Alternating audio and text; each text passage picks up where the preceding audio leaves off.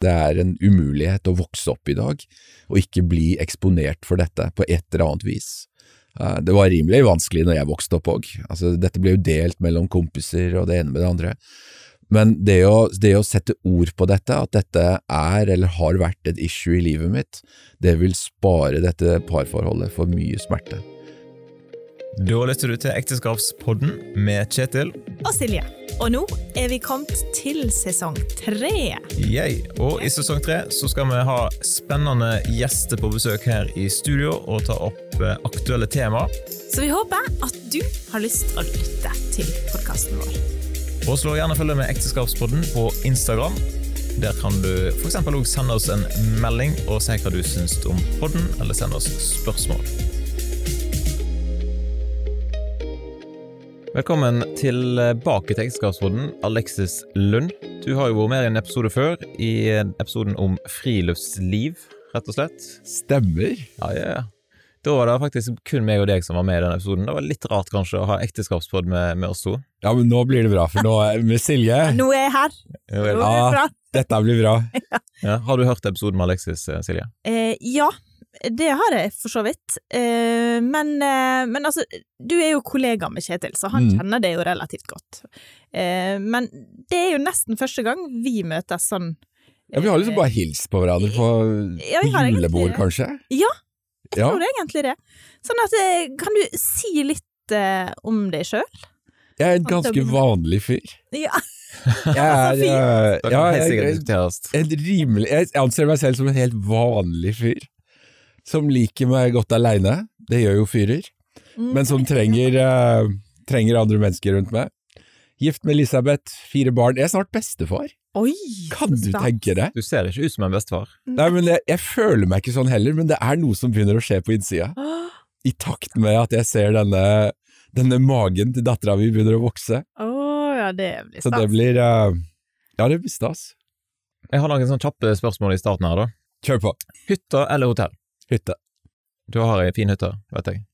Ja, jeg har en gammel rustikkhytte med øksa tømmervegger som jeg er utrolig glad i. Det er, det er rett og slett barndomshjemmet til kona mi Elisabeth. Hun bodde der til hun var syv år. Såpass. Så det er eh, Ja, det er et sånt evighetsprosjekt. Eh, billig kaffe eller baristakaffe? Billig kaffe. Pulverkaffe. Funker. Jeg er en sånn fyr som drikker pulverkaffe. First Ja. price. Ja, gjerne. Den på Nille er egentlig helt grei. Ja, men så fint. Altså, jeg kjøper ikke sånne kaffekopper til 70 kroner. Jeg, altså, det hender av og til, liksom, hvis vi skal ta oss en kopp kaffe, Ja. men uh, pulverkaffe er helt greit. Buss eller bil? Bil. Ja. jeg liker å være fri. ja. Hvor mange kilometer kjører du i året? Vet du det? Sånn rundt 30 000. Ja, det var mindre enn jeg hadde tenkt, egentlig. Ja. Jeg flyr en del. Sant, det må ikke vi snakke om. Flyskam. eh, saft eller slush? Oi. Jeg er utrolig glad i slush. Ja. Men jeg har jo en, en negativ opplevelse med slush for eh, en, en tid tilbake. Og det var i et bryllup hvor de hadde hatt alkohol i slushen, og jeg er en sånn, jeg er en sånn vanlig naiv kristen fyr som tenker at det er det jo ingen som gjør. Nei. Det gikk helt fint, Uh, men uh, saft tror jeg jeg kjører på, for du kan Ja. drikke mer saft enn slush. Du får sånn brain freeze av slush. Ok, meditasjon eller motorsag? Motorsag, det er jo meditasjon. Ja, Mm. helt klart. Jeg er veldig glad i motorsag. Yes, Da har vi i hvert fall blitt litt bedre kjent med Alexis, det er fint. Temaet i dag, ganske mørkt, eh, rett og slett pornografi. Eh, Og der har vi fått inn en del spørsmål knytta til det. Eh, Og det er faktisk lenge siden, vi, vi sjekka litt e-poster i dag, og helt tilbake igjen i 2021, som er litt Ja. trege. Det tar litt, uh, det tar litt tid, og så er det jo òg litt sånn vanskelig å få Alexis inn i studio, men i, i dag så passer det. Nå er vi her. Ja, det er bra. For du er jo rett og slett en ekspert på pornografi. Det høres jo veldig uh, rart ut, men eh, fortell litt om reisa di til å bli en, en pornoekspert. En pornoekspert? Jeg vet ikke om jeg liksom Jeg, jeg har iallfall tilegna meg en del kunnskap rundt tematikken, og jobba mye med det snart faktisk i ti år. Men uh, reisen min inn i dette er jo ganske mørk, altså, rett og slett. Da, da må jeg tilbake til, uh, til ungdomstida, tidlig ungdomstid. sånn rundt 12-13 år, da fant jeg et pornoblad. Og pornoblad tilbake liksom på 80-tallet var jo annerledes enn i dag. Men det fascinerte meg noe så grundig, og beit seg fast i tankene mine og i vanene mine. Og det var jo noe jeg tok med meg inn i et veldig ungt og sårbart ekteskap. Så jeg veit noe om skadevirkningene, og har erfart det. Mm. Uh, men så blei det lagt bak meg, og så gikk det mange år hvor, uh, hvor jeg i, begynte å jobbe i tro og medier. Og da dukka jo dette opp igjen. Og da var jeg, da sto jeg liksom litt sånn På en måte så føltes det litt på kanten av stupet, skal jeg våge meg inn i dette landskapet? For jeg veit jo mm. at her er det krefter. Og vi gikk noen runder i familien, både Elisabeth og meg, da kona mi, og jeg snakket med barna mine, og så bestemte vi oss for at jo, pappa, det er greit at vi eh, vi, vi står bak deg, og Tro og medier ville vi skulle inn i dette landskapet og jobbe med det. Uh, og det gjorde vi, uh, og gikk på mange måter all in. Uh, brukte kanskje to–tre år på å lese veldig mye statistikk og sette meg inn i tematikken, prøve å forstå litt om hvor avhengighetsskapende dette faktisk er, knytta til tankemønstre, hvordan hjernen vår er bygd opp, hvordan seksualiteten vår er, og, og har på en måte blitt en del av den reisen inn i å jobbe helhetlig med seksualitet. Så det, ja. Mm. Hvordan ser arbeidsdagen din ut? Og de er veldig forskjellige. Jeg reiser jo mye og formidler jo mye rundt uh, denne tematikken som handler om kropp og seksualitet og identitet. Så noen dager så er jeg, mye på, reise, så jeg på reise. Mm. Uh, og da, da, har jeg møte, eller jeg er i undervisningssettinger i skole hvor jeg kjører et sånt skolemaraton. Ja, ja, det har fire, hørt Tre-fire settinger klasserom, og så er det med lærere, og så er det foreldre etterpå. Mm. Uh, noen dager så sitter jeg og svarer på mail og jobber med kalenderen min. Uh, noen dager så har jeg telefonsamtaler, telefonmøter. Uh, andre dager så kjører jeg til Stord og er med i ja. Bodden. ja. ja, men det er fint. Ja. Har du tall på hvor mange du treffer i løpet av et år, og har seminar for eller undervisning? Ja, vi har prøvd å lage litt sånn, det varierer jo litt, men sånn rundt åtte, kanskje åtte-ti tusen. Det spørs litt om jeg har store settinger. Uh, jeg liker jo mer og mer mindre settinger. Uh, sånn 40-50 stykker. Da, da, kan du stå nede på gulvet, og du er litt nærere, mm. istedenfor liksom store settinger på ungdomskonferanser hvor det er 700-800-900 stykker. Så, men noe rundt om det, ja. Mm. ja. Hvis vi går inn i det litt uh, sånn ut ifra et definisjonssynspunkt, uh, mm. altså hva er definisjonen på pornografi? Pornografi er jo et gresk ord som består av to ord, porno og grafi, som betyr å illustrere prostitusjon. Um, så det er det det er. Det er jo en objektivisering av menneskekroppen, og i stor grad kvinnekroppen, som har vært en slagmark eh, egentlig siden eh, synd kom inn i, eh, inn i vår verden. Um, og det er jo i stor grad noe som eh, ligger til oss menn å objektivisere. Um, nå er ikke det, dette bare et issue knytta til menn, men i stor grad så er dette en industri styrt og brukt av menn. Mm. Mm. Hvor vanlig er det å bli eksponert for det? Ja, det er jo veldig vanlig, og det har jo endra seg mye. og Nå er jo vi foreldre, og foreldregenerasjonen i dag tror jeg nok har en litt sånn naiv tilnærming til dette, for dette dette er jo noe som eksponeres gjennom både språk og kultur, mm. uh, emojier, uh, inn i hele spillverden og det seksualiserte språket som, som, uh, som er der, og så kommer det jo gjennom reklame. Så Medietilsynet kjører jo disse statistikkene sine og, og rapporter om for hvor vanlig dette er, men det vi kan si er at det er veldig vanlig, og det skjer veldig tidlig. Sånn rundt 10-12-årsalderen ja. er uh, nok meget normalt. Mm. Ja. Uff a meg. du sa litt om e-, emojis, det er jo litt uh, ja, Når du har seminar, jeg har jo sett noen av seminarer som du har, og du viser jo fram ulike emojis, så, så et tips til oss voksne som ikke kan emojispråket, er jo bare ikke bruk emojis. For at plutselig så kommuniserer du noe som du ikke nødvendigvis har tenkt å gjøre. Ja, og det er, det er ganske Dette endrer seg jo litt Ops. i dette landskapet, og det å holde seg til vanlige smilefjes og en tommel opp er Ja. ganske trygt, men frukt og mat og alle disse postkasser og alle disse ulike symbolene er ofte knytta inn til, eh, til ting som har med seksualitet å gjøre. Fordi at da, da kommuniserer noe en kanskje ikke helt vet hva er, men det er et eller annet som er spennende med det. Ja. Og da, da er det, blir det på en måte et språk som formes ganske tidlig inn hos uh, rimelig unge mennesker. Mm. Ja. Som gjerne sitter og spiller Minecraft eller Fortnite eller hva det nå er. Sant? En ting som jeg tenkte på, er jo at uh, før i tida, enten du, du fant jo et blad, sant, eller du kan, kunne gå ut på, på nettet og søke etter ulike ting, sant, Mm. men du, i dag blir vi jo oppsøkt. Det er litt sånn irriterende på, bare, bare på Ekteskapspodden sin Instagram-konto, sant, så har du lagt ut en, en eller annen sak, og så er det oi, det er noen som har likt eh, posten vår. Kjempe, vi må inn og se hvem Han er det som hvem er- hvem er det som har ja, gjort det. Ja. Og så ser du at nei, her er det bare noen som ville prøve å lokke oss inn på, på, på pornosida deres, eller på et eller annet uh, lugubert greie. ja, da har du det gående med algoritmene med en gang, så det, dette er jo oppsøkende.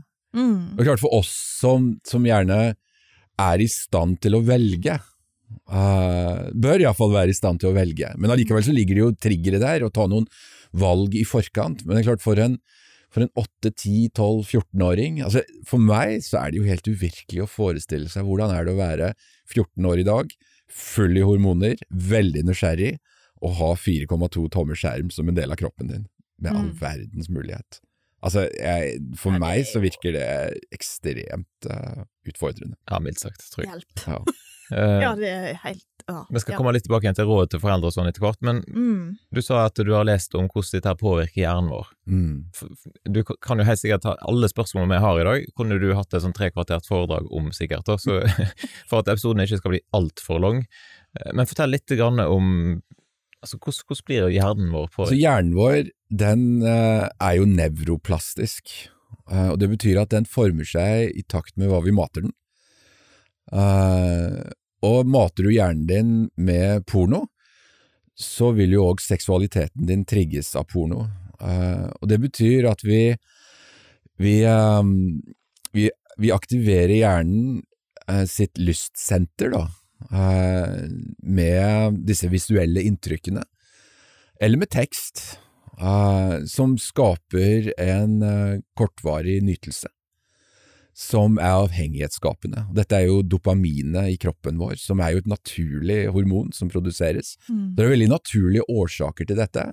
Og klart, leser, du, eh, leser du om hva fagfolk skriver om dette, eh, for eksempel en fag, eh, fagperson som heter Gary Wilson, som har skrevet og har en svær nettside som heter Your Brain on Porn, som har brukt hele livet sitt å forske på dette. Han er avdød nå. Eh, Jeg var i USA og møtte han faktisk når vi begynte med dette prosjektet, eller å jobbe med denne tematikken, men han sammenligner dette veldig med, med rus, og de sterke avhengighetsskapende rusmidlene som crack, cocaine videre, som, eh, som aktiverer Uh, dette belønningssenteret i hjernen som gjør at en vil vende tilbake igjen til det. Og det er klart, denne, denne avhengigheten er jo noe jeg møter gang etter gang etter gang i historie etter historie hos mennesker som ikke klarer å liksom slippe dette. At det biter tak i de, eh, tar tak i de. Mm. Men fortell litt mer om avhengighet, for du har jo møtt masse folk. Mm. Hvordan ser dette her ut i praksis? Nei, I praksis så ser det ut som om at dette er eh, en avhengighet som er veldig vanskelig å bli kvitt. Fordi at det er så tilgjengelig, Mm. uh, og det er lett å skjule sporene sine. Uh, og det gir på en måte en sånn quick fix på en eller annen lengsel etter noe. Og det er jo i den lengselen gjerne en trenger å bore hvis en virkelig skal eh, finne svar på dette, og hvordan kan jeg erstatte denne lengselen? For vi er jo ikke, vi er jo ikke ment for dette. Altså dette er jo en sånn seksuell eh, ecstasy. For vår seksualitet er jo skapt og designa med mening. Og i den meningen så ligger det jo lange prosesser, og det ligger tilknytning, det ligger kjærlighet, og det ligger intimitet. Og det er fraværende i pornografi. Ikke sant? Det er kun den fysiske tilfredsstillelsen, som, som jo er sterk og til stede, men som òg skaper et enda større vakuum på innsida. Mm. Så, um, så her er det veldig mange ting som, som på mange måter en må, en må sette inn i konteksten av at vi har en kropp, vi har en seksualitet, vi har en lyst, vi har et begjær, og vi har noen lengsler. Så det er et stort bilde, det er et stort lerret å bleke dette, men det, en, en, liksom denne avhengigheten er som annen avhengighet, en er villig til å nedprioritere alt annet for å bli møtt på det. Mm. Ja, Vi kommer jo til denne problemstillingen i, med et kristent livssyn i, i bunnen, sant? Mm. Eh, men er det kun kristne som tenker at eh, pornografi er en negativ ting? Absolutt ikke. Nei, absolutt ikke. Det er, det er, det er store internasjonale nettverk som, som, jobber aktivt med denne tematikken. Og, og, det er masse ulike studier og forskere og, og, det ene med det andre som jo ikke har liksom et, et kristent verdisyn. Uh, og det, det, er litt sånn spennende, og det er jo ting jeg leter etter uh, når jeg har jobba med dette. For eksempel Redd Barna sin rapport som heter, uh, fra 2019 som heter Et skada bilde av hvordan sex er. Som jo er norsk, uh, norsk produksjon, eller norsk studie, som har gjort et studie inn i, i videregående skole. hvor overskriften er et skada bilde av hvordan sex er. Og så ser vi jo knytta til både overgrepstematikk, at det trekkes veldig ofte paralleller til uh, pornografi og hva som skjer der. Uh, og det er jo det er liksom en del av uh, konsekvensene, vi, hvordan vi har altså voldtektskultur. Det er en polititjenestemann, Erik Husby Sæter, som skrev en bok for en tid tilbake som heter Pornomania. som jo handler om, om, livet til en som er totalt ødelagt av pornografien, og setter dette ut i virkeligheten. Da. Så det er, det er uh, absolutt ikke fordi vi er kristne, men uh, det som er så spennende med å være kristen, det er at vi faktisk har en bedre historie å fortelle. Så det er spennende. Absolutt. Ja. Skal jeg nå ta dette her med parforhold? Nei, ikke helt ennå. Nei. Nei. Nei for, fortell litt om hvordan påvirker da, når en blir eksponert eh, for pornografi, hvordan påvirker det synet en har på, på seksualitet, og, mm. og, kvinnesynet spesielt, kanskje? Ja. Nei, det er jo denne objektiviseringen da, av at sex er uh, Det er en nedgradering av seksualiteten. Fordi at vår seksualitet uh, er jo ment å være mere. Uh, mye mer enn bare en fysisk utløsning. altså denne intimiteten og kjærligheten og prosessen. både i liksom i livet, som går i bølgedaler, er ment å være noe som skal være bra for oss mennesker. Så det påvirker jo selvfølgelig hele synet. Og dette er jo noe som kanskje gir seg utslag, og dette hører jeg jo fra veldig mange tweens-foreldre. Eh, jeg hørte det senest her om dagen, en mor til en jente som gikk i sjette, som sier at guttene snakker, snakker om jentene på en sånn grusom og nedsettende og seksualisert måte. Og dette er jo noe vi, liksom, jo noe vi ser helt tydelige signaler på, knytta til uh, hvordan pornografi styrer mye av masse av disse tankemønstrene som gir seg utslag i, i skolegården. Absolutt. Og så er det jo noe med, med synet på kroppen, og hvordan kroppen er, og hvordan kroppen skal se ut så er jo alt i pornografi er jo, eh, er jo løgn. Altså, det er jo ikke sant. Uh, verken det en ser i de, i de, seksuelle handlingene altså Dette er jo i stor grad medisinerte mennesker. Uh, mennesker som er oper, opererte, som er endra i Som har forstørra ting eller forminska ting. Og dette gir seg jo utslag i hvordan ser en helt vanlig kropp ut. Som uh, gir masse komplekser knytta til oss mennesker. Mm. Det er jo et Altså, det er jo på en måte en tematikk som ingen ende tar, for det, det, det, er jo ikke bare det at det omfatter eh, sjølve seksualakta, liksom, men det, det, er jo hele mennesket. Ja, det, er, er jo menneskesyn og hvordan du, hvordan du snakker med hverandre. Altså, det, er jo liksom hele det er så mye, da, at en kan bli litt sånn overvelda. Ja, og at mennesket er et produkt, eller en salgsvare. Ja. Og det sier jo noe Det er jo grunnleggende feil. Ja, det er iallfall sant. Og så er det jo nært knytta til moderne slaveri. Altså sexindustrien og moderne slaveri og utnytting av, eh, av land som eh, Altså Dette ser vi jo med de nigerianske prostituerte, øste, hele åpningen av Øst-Europa. Mm. Alt, som, alt som skjer uh, i forbindelse med dette. Så det er, uh, det er en kynisk industri. Ja, det ja. Jeg vet ikke hvor mange ganger jeg har sagt det i løpet av episoden, men det er helt forferdelig. Men Ja. har du noen konkrete råd til, til oss som foreldre? Mm. Altså, vi har jo unger fra ni år og oppover nå. Ja. Og det er det sikkert mange andre som har òg. Det er det mange som har. Det har jeg hatt òg. Ja. Og det å, det, å, det å snakke med barna, eh, det å tørre å gå inn i disse samtalene, det er viktig. Eh, og jo før, jo bedre. Og det er mange som spør meg, Alexis, når skal vi, når skal vi begynne å snakke med barna våre om disse tingene? Mm. Og da tenker jo jeg på mange måter når barnet ditt får tilgang til nett, som er ganske tidlig. Uh, altså De sitter jo med iPader ifra de er ganske små. Mm. Så bør en begynne å gjøre, danne seg noen tanker om hvordan skal vi modellere noe som er sunt og sant og godt for mennesket. Hvorfor er det sånn at det er mamma og pappa som går og legger seg i seggen sammen? Hva tenker vi om å være naken? Hvor er vi nakne? Uh, når er det trygt å, å snakke om kroppen på en positiv og en bra måte? Hvorfor er det sånn at mamma og pappa kysser hverandre? Hva er det som skjer mellom oss da? Altså, prøve å ha naturlige, helt naturlige, jordnære innganger til disse tingene, hvorav den tanken som jeg da har da bak dette, er jo at det, da blir kanskje dette som skjer på utsida, noe som er utrygt, som det jo er, ja, som det jo er, for det forteller en historie som jo ikke er sann. Og da tenker jeg jo det å være åpen og ærlig om nysgjerrighet uh, knytta til kropp, det å være um, åpen for at barn og unge, og kanskje i stor grad gutter, trenger å oppleve spenning. Uh, de trenger å gjøre utforskning. De trenger å gjøre farlige ting, til dels livsfarlige ting, innenfor noenlunde trygge rammer. Det, det tenker jeg er sunt, og det tenker jeg er bra. Og det òg gir liksom rom for å kunne prate om ting som kanskje handler om en annen type spenning, som for eksempel knytta til kropp og jenter og hvordan de ser ut og hva de er, og liksom hele den pakken.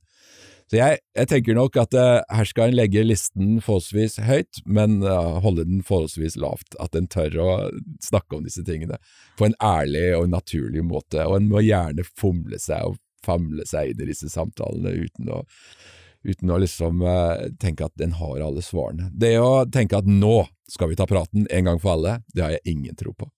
Nei, da blir det jo litt skummelt. Kjempeskummelt. Ja, og da blir det øh, ja. Eh, Og fra de er 16 til de er 18, så øvelseskjører vi med de. Det er en fantastisk anledning å prate med de. Da er det ingen vei ut. ja. Det kan jo at stressnivået er såpass Ja. høyt der i utgangspunktet at uh, både hos eh, ja, begge personene i Da må jeg iallfall ha kjørt litt først, tror jeg. Men det å være litt sånn på, hvordan, hvordan går det med deg knytta til disse tingene? Hva, hva tenker du om det? Uh, hjemme hos oss så har vi jo brukt uh, Covenant Eyes, som er et sånt uh, Det er jo et overvåkningsfilter, altså det er jo liksom det det er. Et program som du installerer på telefoner. Ja, det er liksom en sånn VPA for de som er inne på sånt. Og eh, det er jo noe først jeg installerte på mine enheter når jeg skulle begynne å jobbe med dette, som en sånn trygghetsramme rundt meg selv og mitt eget liv. Mm. Og det handler jo igjen da om å være ærlig på ting, og snakke sant rett og slett om livet. Eh, og, så, og så åpna vi det opp innad i familien, og, og brukte det i ganske mange år faktisk hjemme hos oss, som en inngang til å prate om ting. Og da er det kanskje ikke først og fremst eh, porno, men alt som skjer på nettet. Og mye av det jeg opplever eh, i mange av de samtalene som jeg har med mennesker, så er jo kanskje Instagram og TikTok, eh, Dagbladet, noen av de inngangene som eh, er verdt å snakke om. Hva tenker du om Vi har jo en sånn Disney Circle, heter det, en sånn boks som eh, eh, i teorien iallfall skal blokkere tilgang til eh, forskjellige ting på de enhetene som er kobla på nett via den.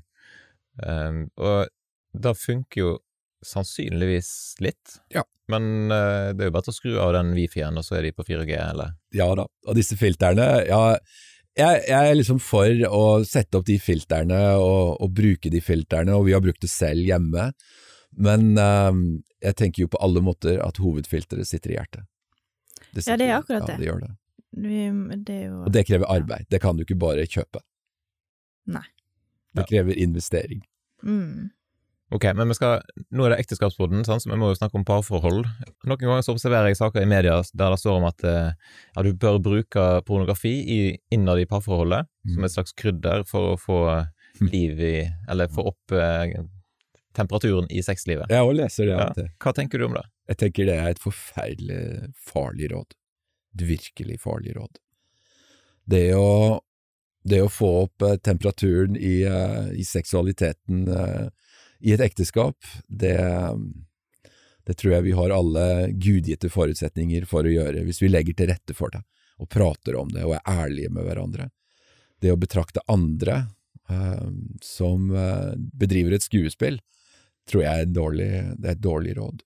Og så er det et eller annet med, med hvordan vi mennesker eh, Jeg så en, sånn, eh, en dokumentar om dette for en tid tilbake, hvor de intervjua et, et, forholdsvis voksent, ja, sånn, ja, voksen, sånn 35 år, par, som gjorde dette og brukte dette rådet, og så gjorde de et intervju med de, hvorav, hvorav han sier at han han setter seg inn i denne settingen, altså han går inn i denne settingen, og det er det som gir han den seksuelle tenningen.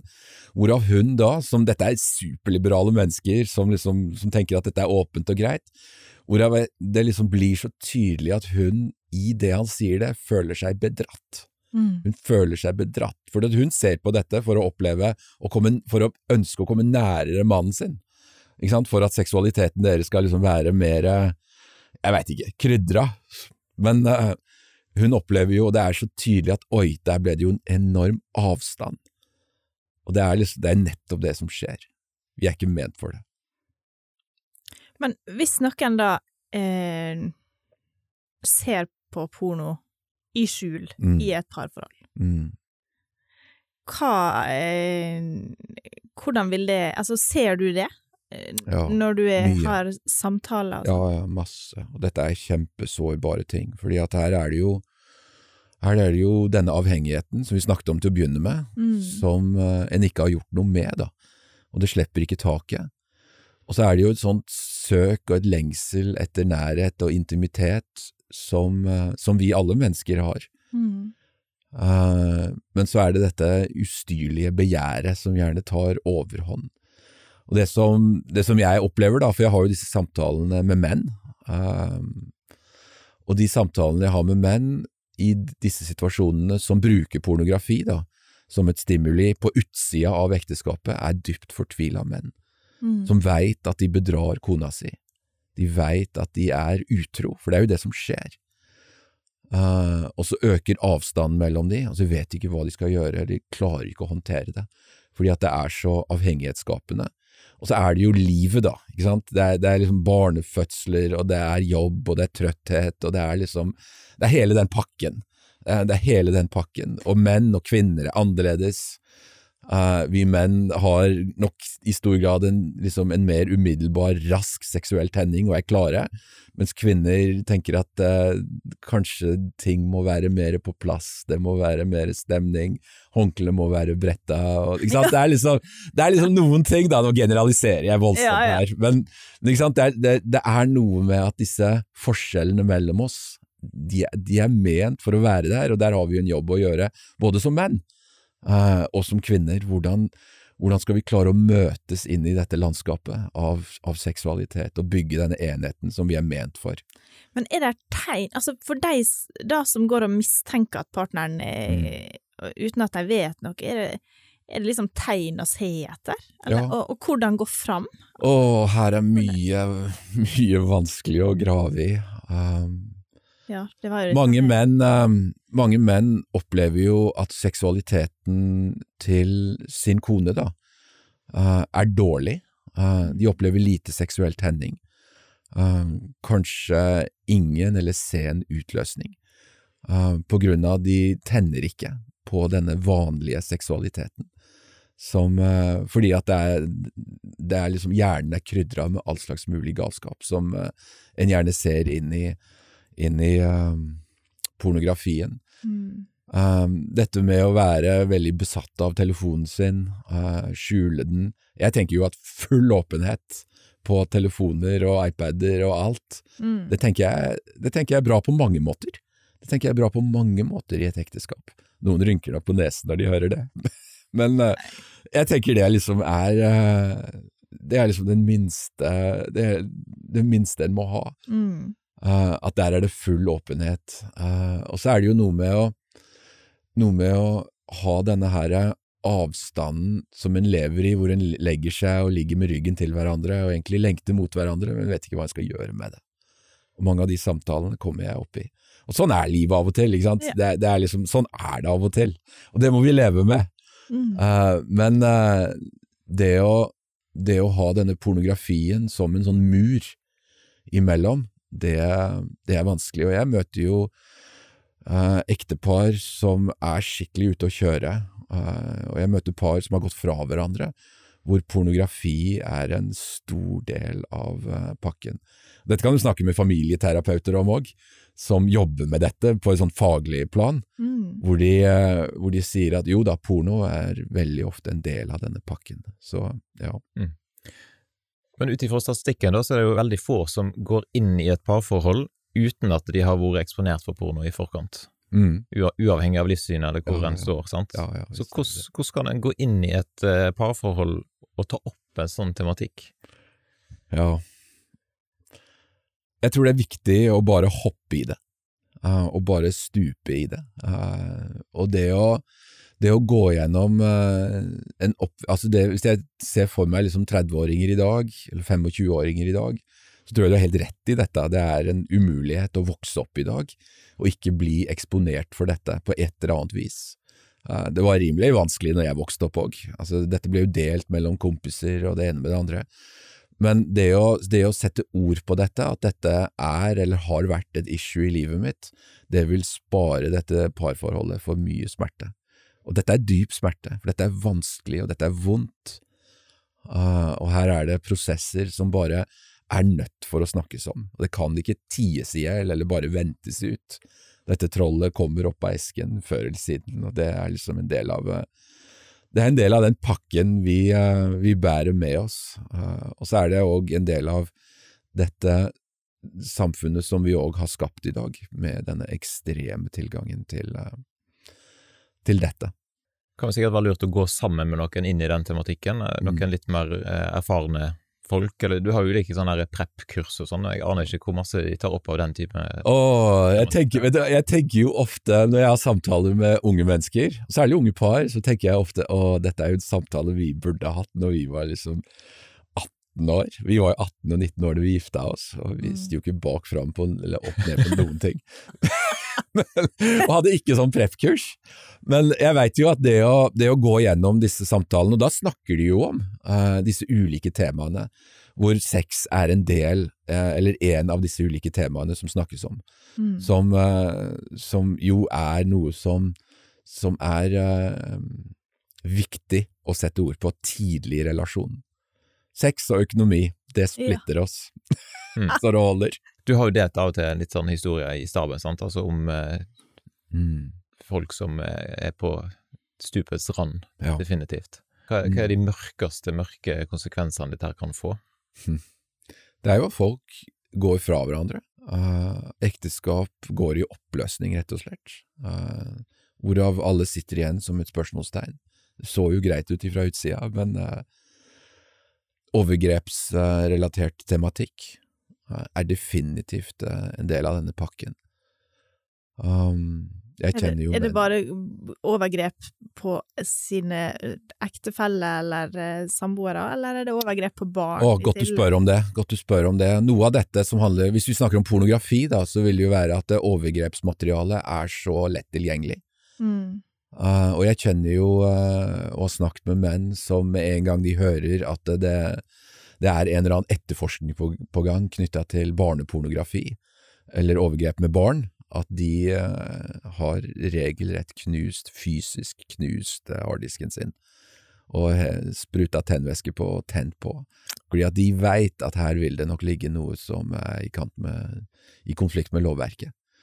Og det er jo, det er jo noe med dette, dette landskapet her som er, er, som er så mørkt, og som er så destruktivt, og som Mm. tar tak i mennesker. Helt vanlige mennesker. Helt, helt oppegående, tenkende, Ressurssterke. kompetente, ja. ressurssterke mennesker, familiemennesker, Mm. og drar de inn i en avgrunn som eh, Og det er jo der en del av denne overgrepstematikken selvfølgelig dukker opp, da. Ja. Ja, for er det Det er sånn bare at, tårene spruter på meg Ja, når jeg snakker. Men Er det sånn at eh, en har jo, I forhold til rusmiddel, sant, så snakker man ja, en begynner med sånn, og så må en videre på hardere, hardere Mm. stoff liksom, for å få samme Ja. effekt. Ja. Eh, ser en samme Ja, det har vært skrevet kjempemye om akkurat den effekten. Eh, og volds, voldsspiralen er jo veldig og voldsom i dette, i dette landskapet her. Men Altså, du har jo jobba med dette her i ti år, Mm. eh, og det er jo et bekmørke. Mm. Eh, hvordan overlever du? Ja, da er vi liksom tilbake til disse inngangsspørsmålene, da. Det er liksom gå i skogen og rope litt av og til, Ja. med motorsag. ja. Ta seg en lang fjelltur.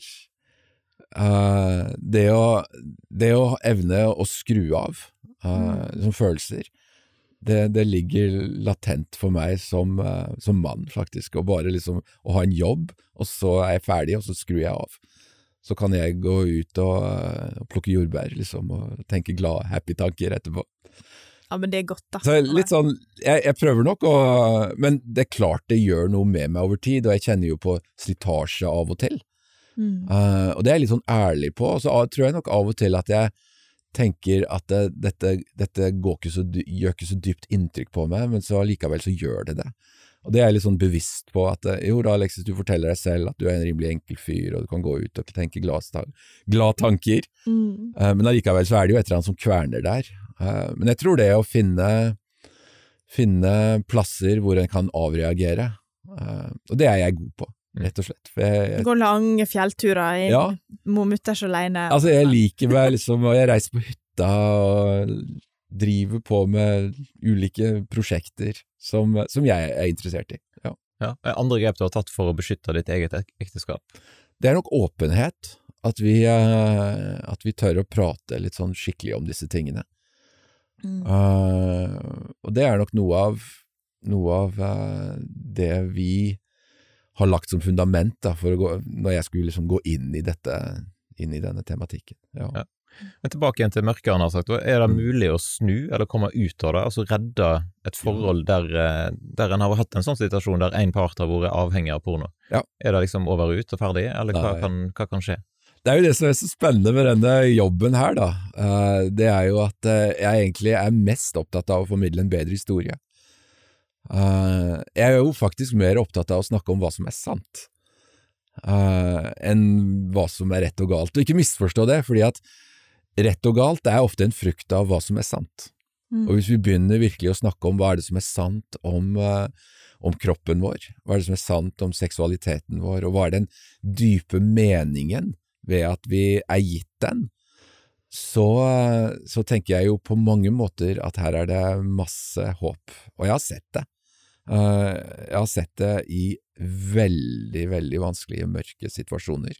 I ekteskap, hvor, eh, hvor pornografien er blitt tatt helt ut i det virkelige livet hvor de har funnet tilbake til hverandre. Så, eh, så her er det håp, men det krever arbeid. Altså det, det kommer ikke av seg selv, og det krever, eh, det krever offer, rett og slett.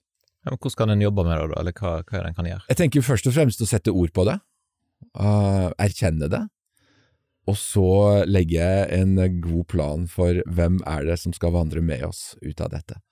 For jeg tror dette, for de aller, aller fleste, er noe hvor en vil trenge medvandring. Um, og da kan en gjerne bruke profesjonelle folk, og jeg henviser uh, ofte til, uh, til profesjonelle sjelesørgere. Uh, vi har blant annet etablert det tidlig et, en dialog med Fermate, som jo er Nordmisjons sitt, men det er jo mennesker som har utdannelse innenfor sjelesorg, som, eh, som selvfølgelig kommer borti dette. Eh, og det er andre typer samtalesentre som vi liksom Kan ikke dere sette dere ned med de og ta en, starte der, og så ta det derfra? Eh, Familieterapeuter. er familieterapeuter. Ja. trygge, nære relasjoner er òg en vei å gå, eh, men de må være trygge. Mm. Eh, og de må være De må må, tåle, tåle. De må tåle en trøkk. Mm. Mm. Ja. Arbeidet som du leder da, heter jo Helt fri. Mm. Er det en utopi, eller er det en mulighet? Det er en mulighet. Det er en absolutt mulighet. Um, Det er håp. det er absolutt håp. Mm. Og det er, det er spennende å, å se det og oppleve det. Uh, og eh, møte mennesker som uh, Det er ekstremt oppmuntrende av og til å få liksom mailer og telefoner og, og sånn, om det er noen som sier at jeg, jeg ikke har sett på porno på, på tre uker eller på tre år, så er det alltid ekstremt oppmuntrende. Og det er sånne telefoner og mailer får jeg. Og det er jo fantastisk, da. Mm. Det er gode, gode ting å ta med seg. Ja, Absolutt. Fins det ressurser du kan peke til som eh, hvis For nå har vi brukt eh, 40-45 minutter på denne tematikken her. Mm. Vi har jo absolutt ikke dekka alt. Nei. Hvor hen kan en gå hvis en vil enten lese eller se mer?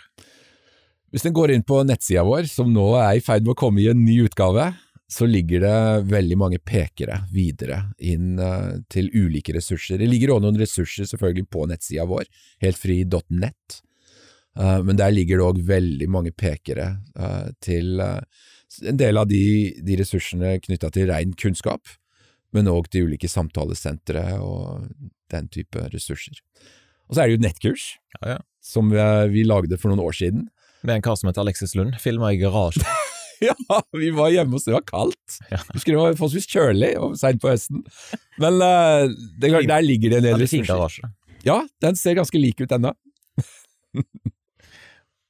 Rette settingen, liksom. Gi noen verktøy for å bli helt fri. Ja. Så den eh, anbefales. Det popper av og til inn folk der, altså, på det nettkurset, Ja, det gjør det. som ser, og Men det er lite dialog. Og det sier noe om dette igjen, da. Det er vanskelig å holde dialogen eh, og snakke om dette. Det er liksom, stort sett så er det jo folk som vil sette seg ned og se på dette i anonymitet. Um, men det hender av og til at det er noe dialog. Og det hender jeg snakker med folk, jeg snakker jo med en del folk ute i felten, som jeg veit har sett gjennom nettkurset, uten å liksom melde seg på det, for det ligger jo helt åpent og fritt. Mm. Men det er nok ikke sånn at bare du ser et nettkurs på en liten halvtime eller noe sånt, så er Så er det gjort. Nei, det er ikke, det det er ikke det. Nei, det er ikke det. Men det er iallfall et, et steg på veien. Men nå er det jo ikke bare denne tematikken her du har jobba med i det siste, du har òg eh, ganske masse som går på dette med kjønnsidentitet Mm. eh, og seksualitet generelt. Og så har du stilt spørsmålet er det kristne budskapet gode nyheter for alle mennesker. Jeg tror det. Jeg tror det, men, men så henger det en liten sånn betingelse der, da. Det er jo at vi eh, kommer til en erkjennelse at vi er skapelse, og Gud er skaper. Og det, det, setter, noen, det setter noen føringer. For det er jo dette med pornografien har på veldig mange måter leda oss inn til å snakke om seksualitet som en helhet, og hva er vi? For eksempel ordet kjønnsidentitet er jo et ord som jeg eh, syns er vanskelig å forholde meg til. Fordi at det er ikke en identitet vi tar på oss, det er en identitet vi er gitt. Uh, og ut ifra hvordan jeg uh, forholder meg til skaperverket, så snakker vi da om to ulike identiteter som består av han og hun. Dette er jo beinradikale ting å begynne å neste i, men uh, vi må grave på dypet da, plutselig, Mm. av hva vi er og hvorfor vi er. Ja, Vi kan ikke gå inn i den uh, tematikken her, da har det blitt en altfor lang episode, og Silje skal på jobb uh, snart. så- Ja. så. Men hvis noen har lyst til å lytte mer, for der har jo du jobba med en egen podkastserie, rett og slett. Ja. Der, eh, der har vi jobba med en egen serie som heter En bedre historie. eh, hvor Frimodig kirke var egentlig de som tok initiativet til kan ikke vi prøve sammen å få fram noen historier til mennesker som eh, lever i spennet mellom eh, følelser og tro, hvor de kanskje kjenner tiltrekning til samme kjønn eller konflikt med sin egen biologi, men allikevel velger å forholde seg til skaperorden og skaperverket og hva Guds ord sier om disse tingene. Så vi har spilt inn fem episoder med ulike mennesker fra aldersspenn 23 til 72, tror jeg det er, hvor, eh, hvor jeg tror nok det kommer flere.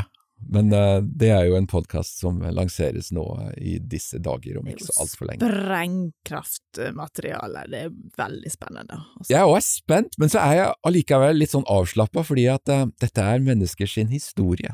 Ja, det er det. Um, det er ikke en ytring eller en mening eller en politisk debatt eller en teologisk refleksjon. Dette er folk sitt liv. Ja. Og det er det sprengkraft i. Så jeg, jeg er litt Men det- jeg er spent. Jeg er det. Blir lansert den 20. juni, eller 20. juni, da kommer den eh, første episoden. Mm. så da kan jeg rett og slett søke opp eh, En bedre historie. Ja. En bedre historie. Med Alexis Lund, faktisk. heter han. Det er meg. Ja, men bra. Er du, du er spent på hvordan responsen blir? Jeg er spent på det. Jeg har jo deaktivert Facebook, så jeg kommer ikke til å lese kommentarer og sånt der. Jeg har, bare, jeg, det høres lurt ut. jeg har forlatt eh, den verden. Ja. Ut av metaverset? Ut av, nei, du, jeg, jeg hiver meg inn på Instagram av og til, for det er så mye koselige, det er så mye koselige greier som kommer der av og til, så jeg bare må få med meg. Ok, så, men, eh, så du er ikke veldig aktiv i sosiale medier, så vi kan ikke si at de må slå følge med deg i rundt omkring? Det har ikke noe for seg? eller? Nei, men eh, jeg tar gjerne en prat med folk. Ring meg heller enn å sende meg en mail. Sjekk ut heltfri.nett og ta eventuelt kontakt med Alexis hvis en har Altså Her har jo vi prata om relativt eh, heftige tema som Ja. eh, kanskje noen trenger å ta en liten prat om. Ja. Så du er åpen for Jeg er åpen for det, og det, jeg veit bare nå her jeg sitter, så ligger det tre ubesvarte mail i innboksen min eh, av mennesker som var og hørte på meg eh, to ulike plasser som jeg var for ikke så altfor lenge siden, som sier kan ikke vi ta en prat, for vi har noen issuer her vi vil snakke om. Mm. Det er ganske uvanlig.